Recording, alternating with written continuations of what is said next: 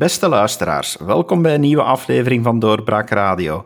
Ik ben David Geens en mijn fantastische gast, mijn eh, geliefde UK-kenner, is er vandaag ook weer bij, Harry de Pape. Welkom, Harry.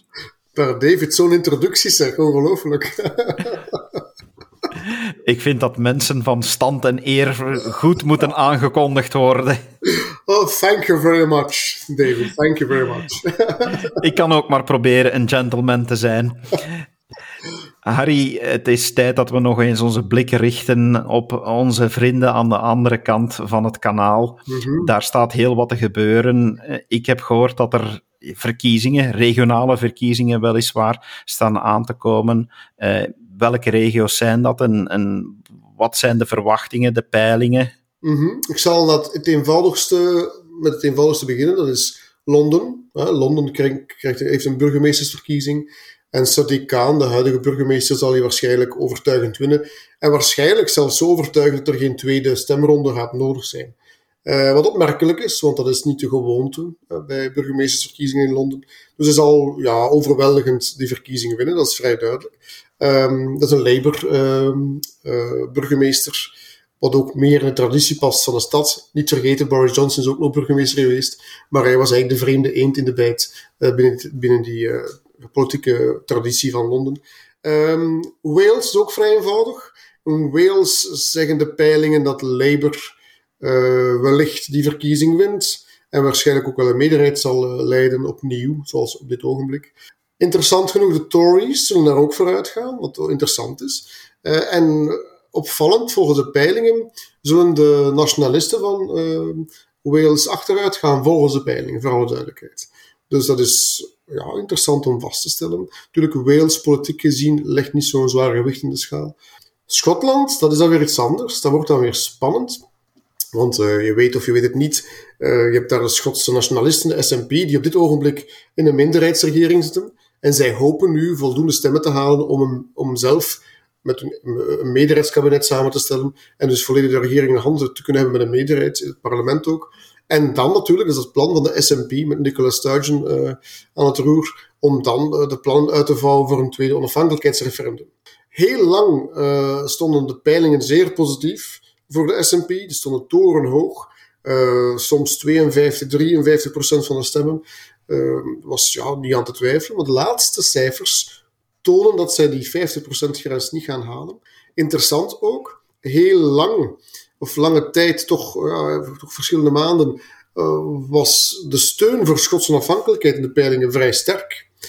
Voorbij de 50% betekent dat dan. 51, 52, 53% zelfs. Voor Brexit is dat ook voldoende geweest, dus ook voor de Schotse onafhankelijkheid is dat ook voldoende geweest zijn. Hè. Alleen, dat is gekeerd, blijkbaar. Hè.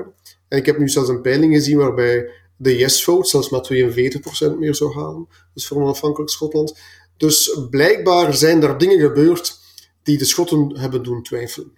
En welke dingen zijn dat dan zoal? Wat is er dan zo plots veranderd? Want dat leek toch een gestaag pro proces eigenlijk te zijn naar een meerderheid voor onafhankelijkheid.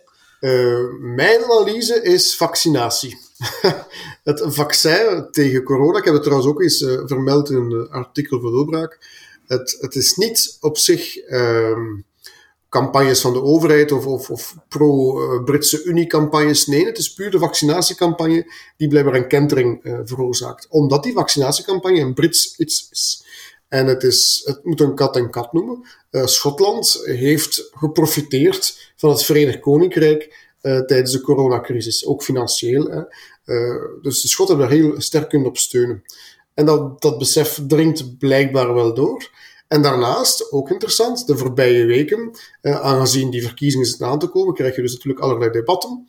En uh, zie je twee dingen. Het eerste is, in die debatten komt meer en meer de vraag, ja goed, Schotland gaat voor onafhankelijkheid. Stel dat dat zo zal zijn, dan betekent dat een harde grens tussen Engeland en Schotland. Um, gaat dat, dat is nu pas dat er echt opduikt, die, die kwestie, of, of dat discussiepunt. En dat schrikt wel heel wat Schotten en uh, niet vergeten ook heel wat uh, Engelsen die in Schotland wonen. Uh, schrikt dat enorm af, dat idee van een harde grens. En dan ook iets interessants. Um, Labour lijkt het ook beter te doen in Schotland dan een tijdje terug. Ze hebben ook een nieuwe leider gekregen. En de nieuwe positie van Labour in Schotland is nu uh, wij moeten ons niet focussen op de onafhankelijkheid. We moeten ons niet focussen op heel het referendum, zoals dus SNP dat doet, zoals de Tories, die de duidelijke unionistische partij zijn, dat doen, dat doen. Nee, wij moeten focussen op de dingen die belangrijk zijn. Onderwijs, armoede, gezondheidszorg. Want Schotland scoort vrij slecht op die gebieden. En door op die ja, nagel te hameren, volgens de peilingen lijkt Labour wel terug vooruit te gaan. Let op, hè wanneer de verkiezingsuitslag te zien zal zijn, sowieso zal de S&P de grote winnaar zijn. Alleen de vraag is, hoe groot zal het de winnaar zijn? En dat, dat zijn dingen die interessant zijn om vast te stellen. Hoe zit het eigenlijk met het leiderschap van Sturgeon? Want daar waren toch ook wel vragen over de laatste tijd? Nu is het eventjes windstil. Hè? Dus je hebt heel hard gedoe met haar uh, vroegere baas, hè, Alex Salmond, die ooit uh, minister-president van Schotland geweest is, die dan in ruzie ligt met zijn, met zijn oude partij, die nu ook een eigen partij opgericht heeft. Uh, Alba hè, heet die partij. Dat, trouwens, die scoort niet echt in de peilingen, Alba.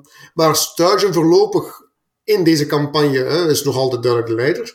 Maar ik denk, als zij niet die 50% norm zal halen, dat zij erop zal afgerekend worden. Want heel de samen met haar vroegere baas wordt toch in haar schoenen geschoven. De manier waarop er gecommuniceerd geweest is, de fouten die gemaakt zijn in de communicatie, eh, de aantijgingen van Selman ten opzichte van haar en haar echtgenoot, haar echtgenoot heeft er ook een rol in gespeeld. De details daarvan kan je allemaal lezen in de artikels die ik daarover geschreven heb. Um, ja, dan stel je vast dat zij, als dus de 50% niet gehaald wordt, er gaat binnen de S&P ja, gaat men de rekening presenteren aan haar. Zij zal dan wel de, ja, de prijs moeten betalen daarvoor. In welke mate zal de uitslag van deze verkiezingen, en bedoel ik niet alleen de Schotse verkiezingen, maar van, van al die verkiezingen die we nu besproken hebben, zal dat zijn weerslag hebben op wat er in Londen, in het parlement gebeurt? Eigenlijk vrij weinig, uitgezonderd Schotland. Ja. Als Schotland het scenario uh, S&P wint overtuigend en over, over sowieso, want niet vergeten, de, de Green Party, de Greens van Schotland, zijn ook uh, voor onafhankelijk Schotland. Als die samen voldoende stemmen halen om ja, dat door te duwen, dan gaan die wel amok maken in Londen. Hè. Maar dat is nog de vraag of het zo zal zijn of niet. Als dat niet zo is, dan zal Londen uh, triomfantelijk zeggen van kijk, S&P heeft zijn 50% niet gehaald, zie je wel, de Schotten zijn niet bezig met onafhankelijkheid, focus je op de belangrijke zaken en dan zal er waarschijnlijk van de, van de tafel geveegd worden. Dat is de enige rimpeling dat hij in Londen zal veroorzaken in Schotland. Al de rest heeft eigenlijk weinig impact op uh, dagelijkse politiek van Londen. Je hebt natuurlijk in het Verenigd Koninkrijk ook een coronacrisis. Eh, de aanpak daarvan, staat die enorm ter discussie op dit moment? Op dit moment niet. Ehm, het is heel interessant maanden terug, en ik spreek over de periode september, oktober, uh, november ook nog, lag de regering sterk onder vuur. Uh, omwille van lockdown en al die zaken. En dan is het vaccinatieprogramma opgestart. Vrij snel, vrij vlot. Uh, en op dit ogenblik, in het Verenigd Koninkrijk, heb je al regio's die zichzelf coronavrij kunnen verklaren. En dus het algemene gevoel in het Verenigd Koninkrijk is, dit, dit is een succes. Ja. Dus dat is echt een pluim die de Britse regering op zijn hoed mag steken. Dit werkt. Uh, waar ook nog discussie over is, of lang over geweest is, zijn over de lockdowns, over het sluiten van de pubs enzovoort. Eigenlijk discussies die wij ook hier kennen over de horeca enzovoort. Maar dat, dat is nu ook aan het wegsmelten, omdat die, eh, de terrassen daar opnieuw open en geleidelijk aan wordt het land uh, wordt het slot van het land gehaald en je ziet het Verenigd Koninkrijk opnieuw heropleven. Je ziet beelden van Londen met, met, met ja, straten die vol met mensen zitten die aan het lachen en aan het plezier maken zijn. Dus het leven neemt daar terug uh, zijn, oude, zijn oude draai. Uh, dus voorlopig heb je, merk je dat het Britse kabinet op dat vlak op roze zit. Voorlopig. Want ik ga meteen even verder inpikken. Uh, er, is, er, is, een parlementaire commissie, dat is ook typisch Brits. Hè. Zodra ja, een bepaald regeringsbeleid uitgerold wordt, wordt dat meteen onder de loep genomen. Hè. Handelen jullie juist? Handel, handelen jullie correct? Dus men is daar zeer streng in. Het parlement heeft al een onderzoekscommissie ingesteld om te zien hoe de regering de eerste coronagolf heeft aangepakt. Dus de controle dus van de wetgevende macht op de uitvoerende macht, hè, komt daarop neer. En het interessante is dat daar onder meer de regeringsadviseurs zullen um, het woord nemen ten opzichte van de parlementaire commissie, waaronder een zekere Dominic Cummings. En Dominic Cummings is de rechterhand geweest van Boris Johnson, is opgestapt in, zeer boos trouwens, opgestapt in november. En uh, Dominic Cummings, en daar is men in Londen, in Downing Street, vooral enorm bang voor, zou wel eens pijnlijke dingen op tafel kunnen leggen uh, op, die Boris Johnson kunnen schaden. In welke zin? Zijn, zijn er dingen waarvan men vermoeden heeft die, uh, die misschien beter bedekt zouden blijven? Wil, wil Boris Johnson overleven als premier? Of Wel, gaat het zover niet? De voorbije weken zie je toch een aantal dingen in de Britse pers verschijnen. Hè. Je hebt dus plotseling uh, een, een uh, sms-verkeer tussen hem en James Dyson hè, over, over het feit dat Boris Johnson vraagt, via sms vraagt aan Dyson hey, wanneer ga je extra uh, beademingsmachines voorzien. En Dyson zegt, ja, ik ben er klaar voor, ik wil er wel bij helpen. Alleen, uh, ja, bepaalde sociale wetgeving moet toch nog een beetje aangepast worden hier en daar. Wordt geregeld voor jou. En dat is in de pers gelekt. Nu, wie heeft, wie heeft dat lek gemaakt? Hè? Wie, wie heeft dat gelekt? Er is niemand, iedereen gebaard van kromme maar iedereen kijkt wel naar Dominic Cummings. Uh, dat gedoe rond het, uh, het behangpapier van Boris Johnson in Downing Street, dat zoveel duizenden ponden heeft gekost, op kosten van partijdonors trouwens. Wie heeft dat, uh, dat was al in de pers al geweest, maar wie heeft dat nog eens lekker bovengehaald en heeft gezegd dat Boris Johnson misschien wel onwettig gehandeld heeft? Dominic Cummings. Ja. Uh, de uitspraak van Boris Johnson laten lijken maar opstapelen, ik wil geen derde lockdown, dat begin ja, deze week in de pers volop stond in het Verenigd Koninkrijk ja, niemand zegt dat hij gelekt heeft, maar iedereen kijkt naar Dominic Cummings, dat hij het lek zou zijn. Dus um, ja, die man heeft duidelijk een rekening te vereffenen. Uh, met zijn en, en, blijft dat kleven aan Johnson? Breng het, breng het hem schade toe?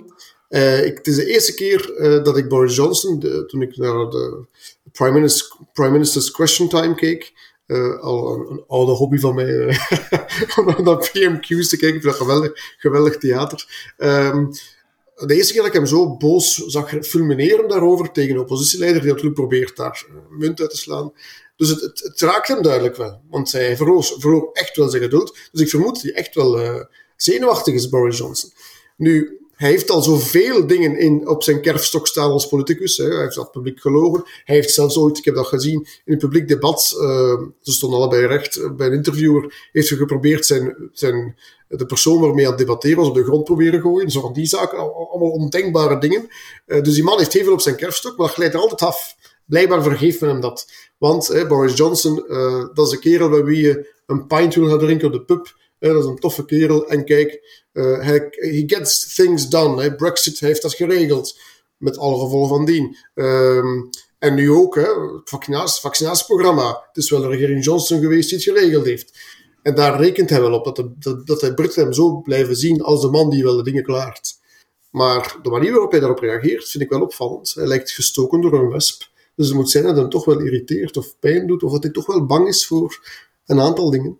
Je noemde net twee dingen waarvan ik me afvraag of ze in verband met elkaar worden gebracht. Met name de Brexit en het vaccinatieprogramma. Is dat iets wat Johnson en de regering uitspelen als zijnde: dit is gelukt omwille van de Brexit? Als we de Brexit niet gehad, hadden we dit niet kunnen doen? Ja, dat, dat speelt me zo uit. Dat is op feitelijk niet correct. Hè. Uh, als, je de, als je alles goed nagaat, is dat niet zo. Dat staat er eigenlijk los van.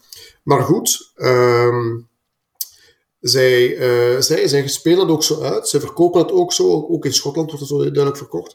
Nu, op zich, het, ehm, de wijze waarop het vaccinatieprogramma verloopt en de wijze waar, uh, waarop de regering het aanpakt, uh, is wel uniek in Europa. En um, dat staat, op dat vlak kan je wel zeggen, dat is wel een gevolg van Brexit, dat de Britse regering volledig zijn vrij, daarin vrij spel krijgt. En op dat vlak hebben ze wel, hebben ze wel een punt. Hè. Um, en ze spelen dat zeker uit. Hè. Kijk eens, uh, hadden wij bij de EU geweest, was het zeker nooit zo gelopen. Dat zegt men dus ook in Schotland duidelijk. Hè. Hadden we jullie wens gevolgd, was je nog niet gevaccineerd geweest.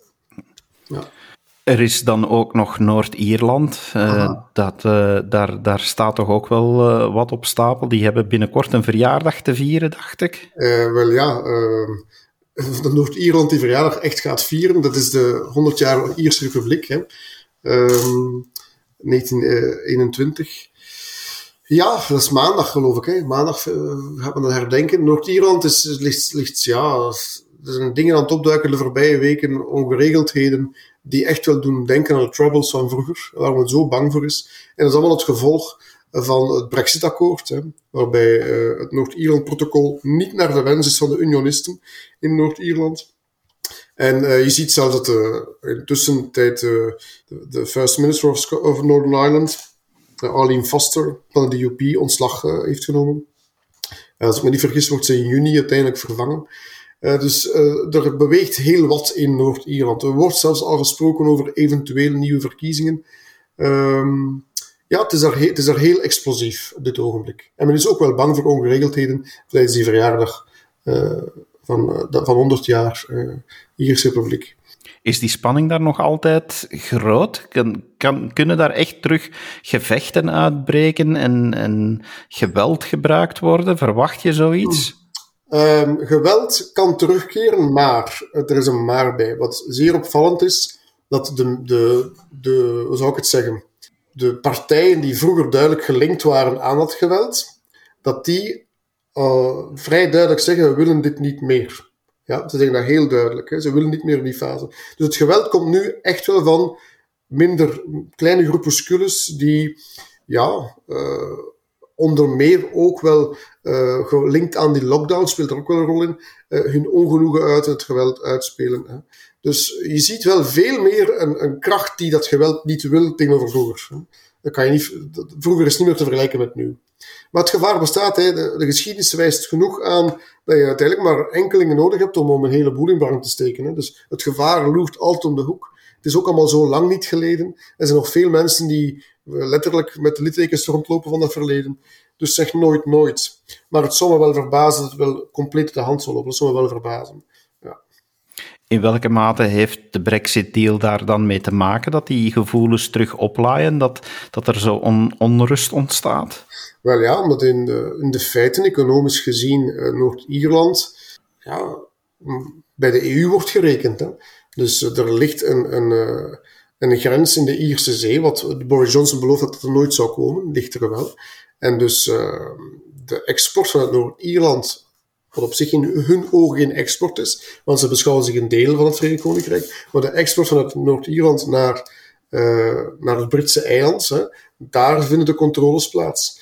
En dat is, ja, dat is spuwen in het gezicht van de unionisten die zeggen nee, die controles moeten plaatsvinden aan de uh, Iers, Noord-Ierse grens, want wij zijn een deel van het Verenigd Koninkrijk. Dit is echt een principe kwestie. Dus alles waarvoor men gewaarschuwd had, is nu aan bewaarheid worden. Hè. Men heeft het ook lang niet geloofd. Um, maar komt, komt nu wel uit hè, rond de Noord-Ierse kwestie.